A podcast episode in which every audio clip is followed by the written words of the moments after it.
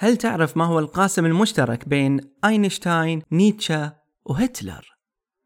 بالإضافة إلى أن كلهم من ألمانيا الشيء اللي يجمع بينهم هو الشنب. العالم أينشتاين أيقونة بشعره المنكوش وشاربه الكثيف. الفيلسوف نيتشه كان يعتبر شنبه بمثابة قناع يسمح له بالاختباء. وطبعا لا يخفى عليكم هتلر وشنبه المربع المشهور. طيب هل تعرف ما هو الفرق بين أديسون وتسلا؟ بالإضافة إلى أن اثنينهم مهتمين بالكهرباء الفرق الجوهري هو الشنب. أهلا برفقاء الحياة. أنا علي البحراني وهذا بودكاست يوريكا من منصة محتوايز. حلقة اليوم عن شنبات غيرت التاريخ. هذه الحلقة برعاية Cambly. هو موقع يتيح لك التحدث بشكل مباشر مع ناطقين باللغة الإنجليزية. عندهم مناهج تدريبية كثيرة من ضمنها مناهج للتدريب لاختبارات ال IELTS. استخدموا الرابط في وصف الحلقة للتجربة المجانية. أما الآن لنبدأ. الشنب ليس حكرا على البشر فقط. نراه في بعض الطيور مثل طائر ال Inca tern أو طائر الشوارب اللي يعيش في شمال البيرو. نشوفه في بعض أنواع السمك مثل الشبوط. وعندنا قرد أبو شنب أو القرد الإمبراطور يعيش في غابات نهر الأمازون. ربما جميعنا نعرف شخصية ماريو الشهيرة وشنبه الكثيف. لما سألوا مبتكر الشخصية شيجارو ياماوتو قال ببساطة عندما نرسم الشخصية يظهر وكأن الأنف غير موجود فلا بد من شوارب لتحديد الملامح. ولا يخفى عليكم طبعا شنب Mr. Pringles. وفقا لقاموس أكسفورد تم تسجيل كلمة شوارب لأول مرة عام 1585 ميلادي. لكن الشنب أعزائي المستمعين له تاريخ عريق في كل الحضارات والأمم. في بعضها قد يتسبب لك الشارب بمشاكل وسجن. وفي بعضها أنت ملتزم بتربيته وعدم حلقه. تاريخ الشنبات مليء بالمعتقدات والقصص والحروب أيضا. نبداها في مصر. الفراعنة كانوا يحرصون على حلق الشنب واللحية ووضع لحية مستعارة كرمز للملك. أما الهنود الحمر يعتقدون بحلق الشنب لأنه يرمز للحظ السيء والدمار. أما الفايكنج وأكاد أجزم أن أول شيء طرى على بالك هو أجسادهم الضخمة وشواربهم الكثيفة ولحاهم الطويلة المجدلة. الفايكنج هم قراصنة البحار الإسكندنافية اللي هاجموا السواحل البريطانية والفرنسية. كان يحمل محاربو الفايكنج الأمشاط على أحزمتهم مع سيوفهم وسكاكينهم ووفقا لبعض علماء الآثار كانوا يحملونها حتى في قبورهم. في عهد القيصر الروسي بيتر العظيم قبل أكثر من 300 عام أقام ذات أمسية حفل استقبال بهيج. حضره كبار الشخصيات المهمة. فجأة تحول هذا الحفل البهيج إلى ساحة من الرعب والهلع. لما فاجأهم القيصر بشفرة حلاقة كبيرة وكل واحد يجي صافحة يحتضنه ثم يبدأ يحلق له. واحد تلو الآخر. طبعا كان الحضور في حالة صدمة وما في أحد يقدر يمنعه. ومن تلك اللحظة أعلن القيصر الحرب على شعر الوجه وكان اللي يبي يربي لحيته وشواربه لابد أن يخضع لدفع الضريبة. تخيل تدفع ضريبة شنب. وقبل 120 سنة كان البريطانيين حليقي الذقن. وإذا أحد الجنود يبي يربي ذقنه وشواربه لازم يرسل طلب إلى مكتب الحرب ليحصل على إذن. الشنب كان أحد أسباب الحرب اللي صارت بين فرنسا وألمانيا. حملت اسم الحرب السبعينية عام 1870 بدأت القصة حين قارن ملك فرنسا آنذاك نابليون الثالث اللي هو حفيد نابليون بونابرت. قارن بين شاربه الضخم وشارب رئيس وزراء ألمانيا والإمبراطور الألماني أيضا. فوجد بعد المقارنة أن شاربيهما مجتمعين لا يبلغان نصف حجم شاربه. من هنا استصغر نابليون الثالث شأن ألمانيا بكبرها وزعمائها فأعلن الحرب عليها. وما أن دارت رحى تلك الحرب حتى لحقت الهزيمة بالقوات الفرنسية. لم يتكدر نابليون الثالث من الهزيمة بقدر ما أقلقه تساؤل حيره كثيرا وهو كيف انتصر جده نابليون بونابرت على أوروبا كلها ولم يكن له شارب مطلقا. وقت الحرب العالمية كان الجنود صعب عليهم ارتداء أقنعة الغاز فكانوا يحلقون شواربهم. هتلر لما كان جندي حلق فقط أطراف شاربه للبس القناع فكان شارب هتلر علامة مميزة له. تدرون إن كانوا يطلقون عليه شارب فرشاة الأسنان؟ وصارت ترى هذه الحلقة موضة وصيحة انتشرت في كل أوروبا. اشتهر الرسام السريالي سلفادور دالي بلوحاته الخالدة وشنب الغريب. ربما تعرفون شكل دالي من مسلسل لكازا دو بابيل أو بيت من ورق بالعربي. كان أبطال المسلسل يرتدون قناع عليه وجه الرسام سلفادور دالي بشاربه المرفوع للأعلى. اقتبس دالي فكرة الشارب الملفوف إلى أعلى من الرسام الإسباني دييغو فيلاثكيث الطريف أنه قد عرض على دالي بيع جزء من شاربه بمبلغ عشرة آلاف دولار لكنه أرسل للمشتري شارب مزيف من العشب المجفف خوفا من السحر. في أمريكا كان الكثير من الرجال يتعرضون للرفض من التوظيف والسبب لأنهم ملتحين فقط. لهذا السبب نشأ النادي الأمريكي للشوارب American Mustache Institute. دافع بقوة عن حقوق التوظيف والمعيشة للرجال الملتحين. تأسس قبل 55 سنة واشتهر بمطاردة الشركات والدوائر الحكومية اللي تجبر موظفيها على حلق الشوارب واللحية وكسب هذا النادي في عام 1990 قضيته على الجيش الأمريكي بسبب فصله ثلاث جنود مربين اللحية والشوارب وأعادوا لهم وظيفتهم طيب إيش دخل كل هالشنبات بشهر نوفمبر؟ القصة تبدأ مع ثلاث أصدقاء أستراليين. خطرت لهم فكرة تأسيس منظمة تهتم بصحة الرجال. وفي عام 2003 أسسوا منظمة سموها موفمبر. وهي دمج بين كلمتين مستاش أي شنب ونوفمبر اللي هو شهر نوفمبر. بحيث يترك الرجال الحلاقة للتبرع بالمال الذي ينفقونه عادة على الحلاقة في هذا الشهر. ومع الوقت صارت أمثال هذه المنظمة كثيرة. والكل يقيم حملات توعوية ومسابقات مختلفة للشوارب واللحى والهدف الأكبر طبعا هو التوعية بصحة الرجال وخصوصا سرطان البروستاتا الذي يصيب الرجال ولأن بودكاست يوريكا علمي أعزائي المستمعين وددت أني أتكلم عن السرطان كيف يحدث؟ ما هي أنواعه؟ ولماذا لا يوجد له علاج حتى الآن؟ بداية الخلايا في أجسادنا لها وظائف محددة عليها القيام بها. تقوم الخلايا الطبيعية بالتكاثر بطريقة منتظمة. ثم تموت هذه الخلايا عندما تجهد أو تتلف وتحل محلها خلايا جديدة. في بعض الحالات تبدأ الخلايا بالنمو بطريقة خارجة عن السيطرة لتكون عندها خلايا سرطانية تستمر بالنمو وإنتاج خلايا سرطانية جديدة. تقوم هذه الخلايا الجديدة بمزاحمة الخلايا الطبيعية فتسبب مشاكل للأجزاء المجاورة في الجسم. بناء على مايو كلينيك ينتج هذا التحول بسبب تغييرات أو طفرات تحدث بالحمض النووي الموجود داخل الخلايا. الحمض النووي الموجود داخل أي خلية يحتوي على مجموعة من التعليمات اللي تخبر الخلية بالوظائف اللي يتعين عليها القيام بها. وأيضا يخبرها بكيفية النمو والانقسام بشكل طبيعي بعض الأحيان قد يؤدي حدوث أخطاء في التعليمات أو طفرة إلى توقف الخلية عن أداء وظيفتها الطبيعية وقد يجعل الخلية سرطانية بمعنى تنقسم بشكل غير طبيعي كما هو مقرر لها وتتورم وتنتشر بلا توقف بينما الخلية الطبيعية تعرف كيف تنقسم ومتى تتوقف عن الانقسام. على فكرة، تحدث الطفرات الجينية بأجسادنا بشكل متكرر أثناء نمو الخلايا الطبيعية. لكن غالبا الخلايا عندها آلية تتعرف على وقت حدوث خطأ ثم إصلاح هذا الخطأ. في بعض الأحيان يتم تفويت هذا الخطأ مما قد يكون خلايا سرطانية.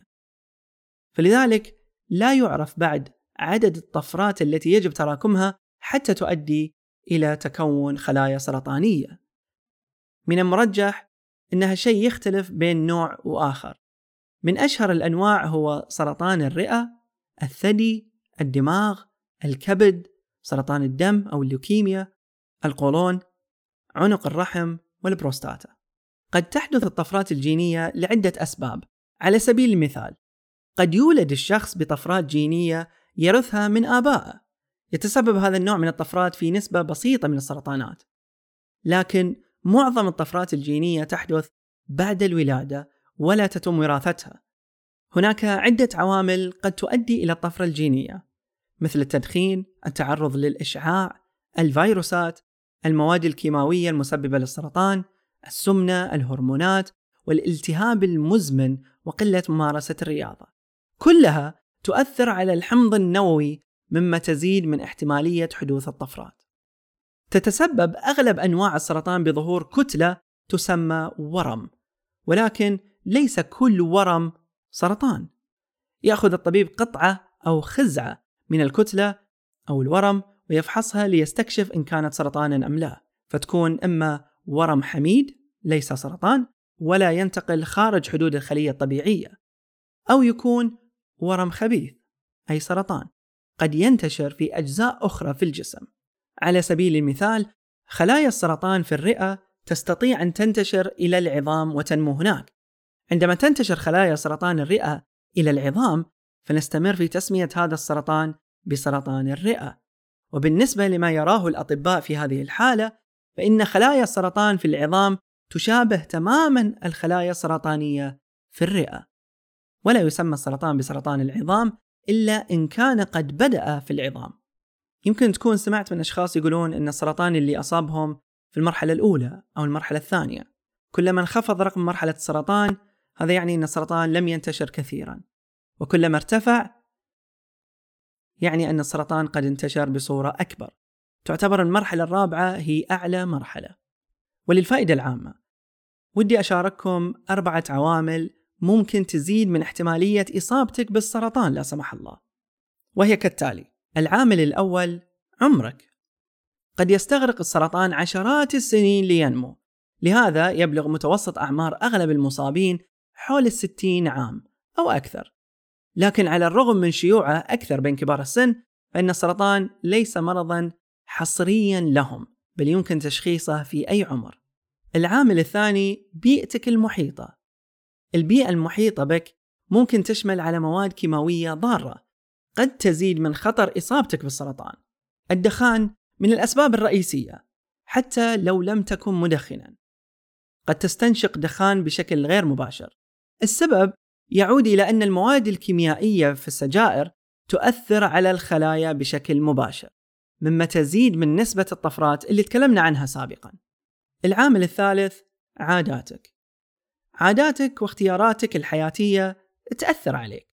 ممكن إنها تزيد من خطر الإصابة بالسرطان مثل التدخين، شرب الكحول، التعرض المكثف للشمس أو الأشعة، والبدانة والسمنة المفرطة. الجانب الإيجابي في هذا العامل إنها تحت سيطرتك. تقدر تغير هذه العادات لإنقاص هذا الخطر. العامل الرابع تاريخك العائلي. نسبة ضئيلة من السرطان ترجع إلى حالة وراثية. إذا كان هذا المرض منتشر في عائلتك فمن المحتمل أن تنتقل الطفرات عبر الأجيال. قد تكون مرشحا للاختبارات الجينية لمعرفة ما إذا كنت وارثا لطفرات جينية اللي يمكن أنها تزيد من خطر إصابتك. لكن للمعلومية وراثتك للطفرات الجينية لا يعني بالضرورة أنك ستصاب بالسرطان. وهنا أقدر أني أنصحكم بمركز جينوم السعودي مجموعة من الشباب والشابات في السعودية متخصصين ينسقون اختبارات وراثية دقيقة داخل وخارج المملكة بناء على تاريخك العائلي وحالتك الصحية. بالإمكان التواصل معهم على جينوم السعودي.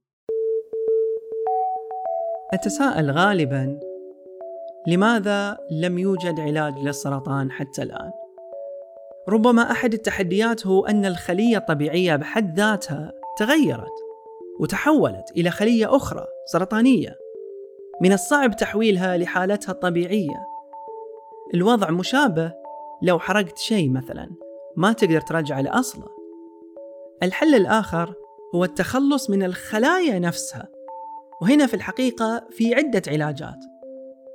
طرق علاج السرطان الأكثر شيوعا هي العمليات الجراحية والعلاج الكيميائي أو ال chemo والعلاج بالإشعاع radiation ممكن تستعمل الجراحة لإزالة أورام السرطان وقد يزيل الطبيب جزء من أو كل العضو المصاب. على سبيل المثال في سرطان الثدي يتم إزالة جزء أو كل من الثدي المصاب. وكذلك بالنسبة لسرطان البروستاتا قد تتم إزالة الغدة كاملة. طبعا لا يتم إجراء الجراحة في كل أنواع السرطان. اللوكيميا على سبيل المثال أفضل طرق علاجه هو بالأدوية. جمعية السرطان الأمريكية كتبت جزئية جميلة جدا فيها نصائح للمصابين باللغة العربية. سأرفقها كملف PDF في وصف الحلقة. أنصح بالاطلاع عليها ومشاركتها. في حاجة شغلت تفكير الباحثين. ألا وهي لماذا بعض حالات التشافي يعود إليها السرطان مرة أخرى؟ ينجح الأطباء غالبا في تقليص حجم الورم مستخدمين في ذلك طرقا مختلفة للعلاج. لكن ينتكس الكثير من المرضى وترجع لهم الأورام من جديد ليه؟ كان الباحثون سابقا يعتقدون أن السبب يعود إلى فشل طرق العلاج المستخدمة إذ تتبقى نسبة قليلة من الخلايا السرطانية اللي تحفز على نمو الورم مرة أخرى وهو ما يعرف الآن بالخلايا الجذعية السرطانية نشرت دورية The Scientific American عمل فريق بحثي يتألف من باحثين من عدة جامعات مصرية مع مدينة زويل للعلوم والتكنولوجيا ليكتشفوا أن الخلايا السرطانية تؤثر على الخلايا السليمة القريبة منها عبر إفرازات معينة فتحولها إلى ما يشبه الخلايا السرطانية الجذعية اللي تصبح أكثر شراسة في مقاومة العلاج ويرى الباحثون أنه ينبغي أن تستهدف هذه الخلايا أيضا بالإضافة إلى الخلايا السرطانية للقضاء على الورم إلى الأبد. هنا في تفصيل بسيط عشان نركز. جسم الإنسان بطبيعته يكون خلايا أولية تسمى خلايا جذعية stem cells أو خلايا جنينية. هذه الخلايا تتحول لاحقا لخلايا محددة فتكون عضو في جسم الإنسان. فهذه الخلايا الجنينية ممكن أنها تتحول إلى عضل أو جلد أو شعر أو أسنان وغيرها. هنا عندنا خلايا جذعية سرطانية. لها الخاصية نفسها بالإمكان الانقسام والتحول لأي نوع مما يجعل مقاومتها صعبة واستجابتها للعلاج محدودة. الصعوبة تكمن أن كيف نقدر نفرق بين الخلايا الجذعية الطبيعية والسرطانية. هنا استدل الفريق البحثي على وجود طبقات ثلاثة تدل على وجود الخلايا الجذعية السرطانية وهي الإكتوديرم والميزوديرم والإندوديرم. هذه الطبقات تدل على وجود الخلايا الجذعية السرطانية. هذا البحث في مدينة زويل للعلوم والتكنولوجيا في مصر يظهر الإسهام المباشر لرصد الخلايا الجذعية السرطانية. بيكون هالشيء مهم جدا في تصميم علاج يستهدف تلك الخلايا ولا ينتقل إلى الخلايا الجذعية السليمة. هذا الاكتشاف سيكون مفيدا في تعديل بروتوكولات العلاج بحيث لا يرتكز فقط على الخلية المصابة بل يشمل أيضا البيئة المحيطة. هذا الكشف سيساهم بالتأكيد لرفع كفاءة علاج السرطان.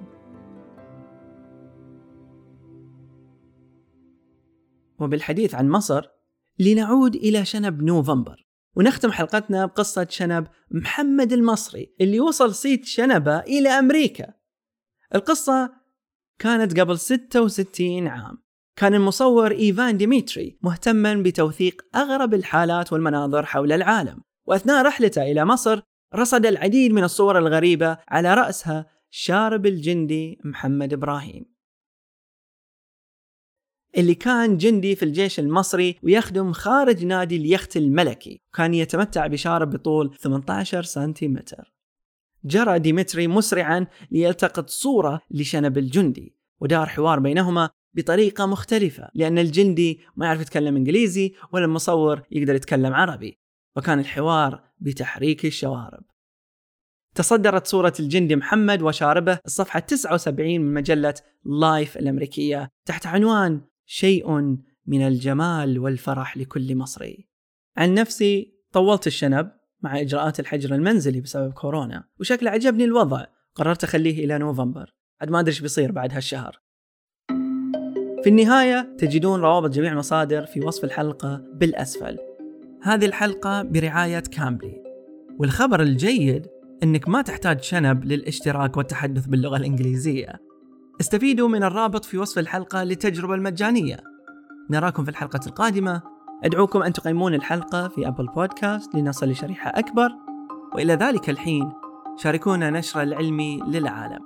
استفيدوا وأفيدوا في الحياة وكالعادة شكرا لفضولكم.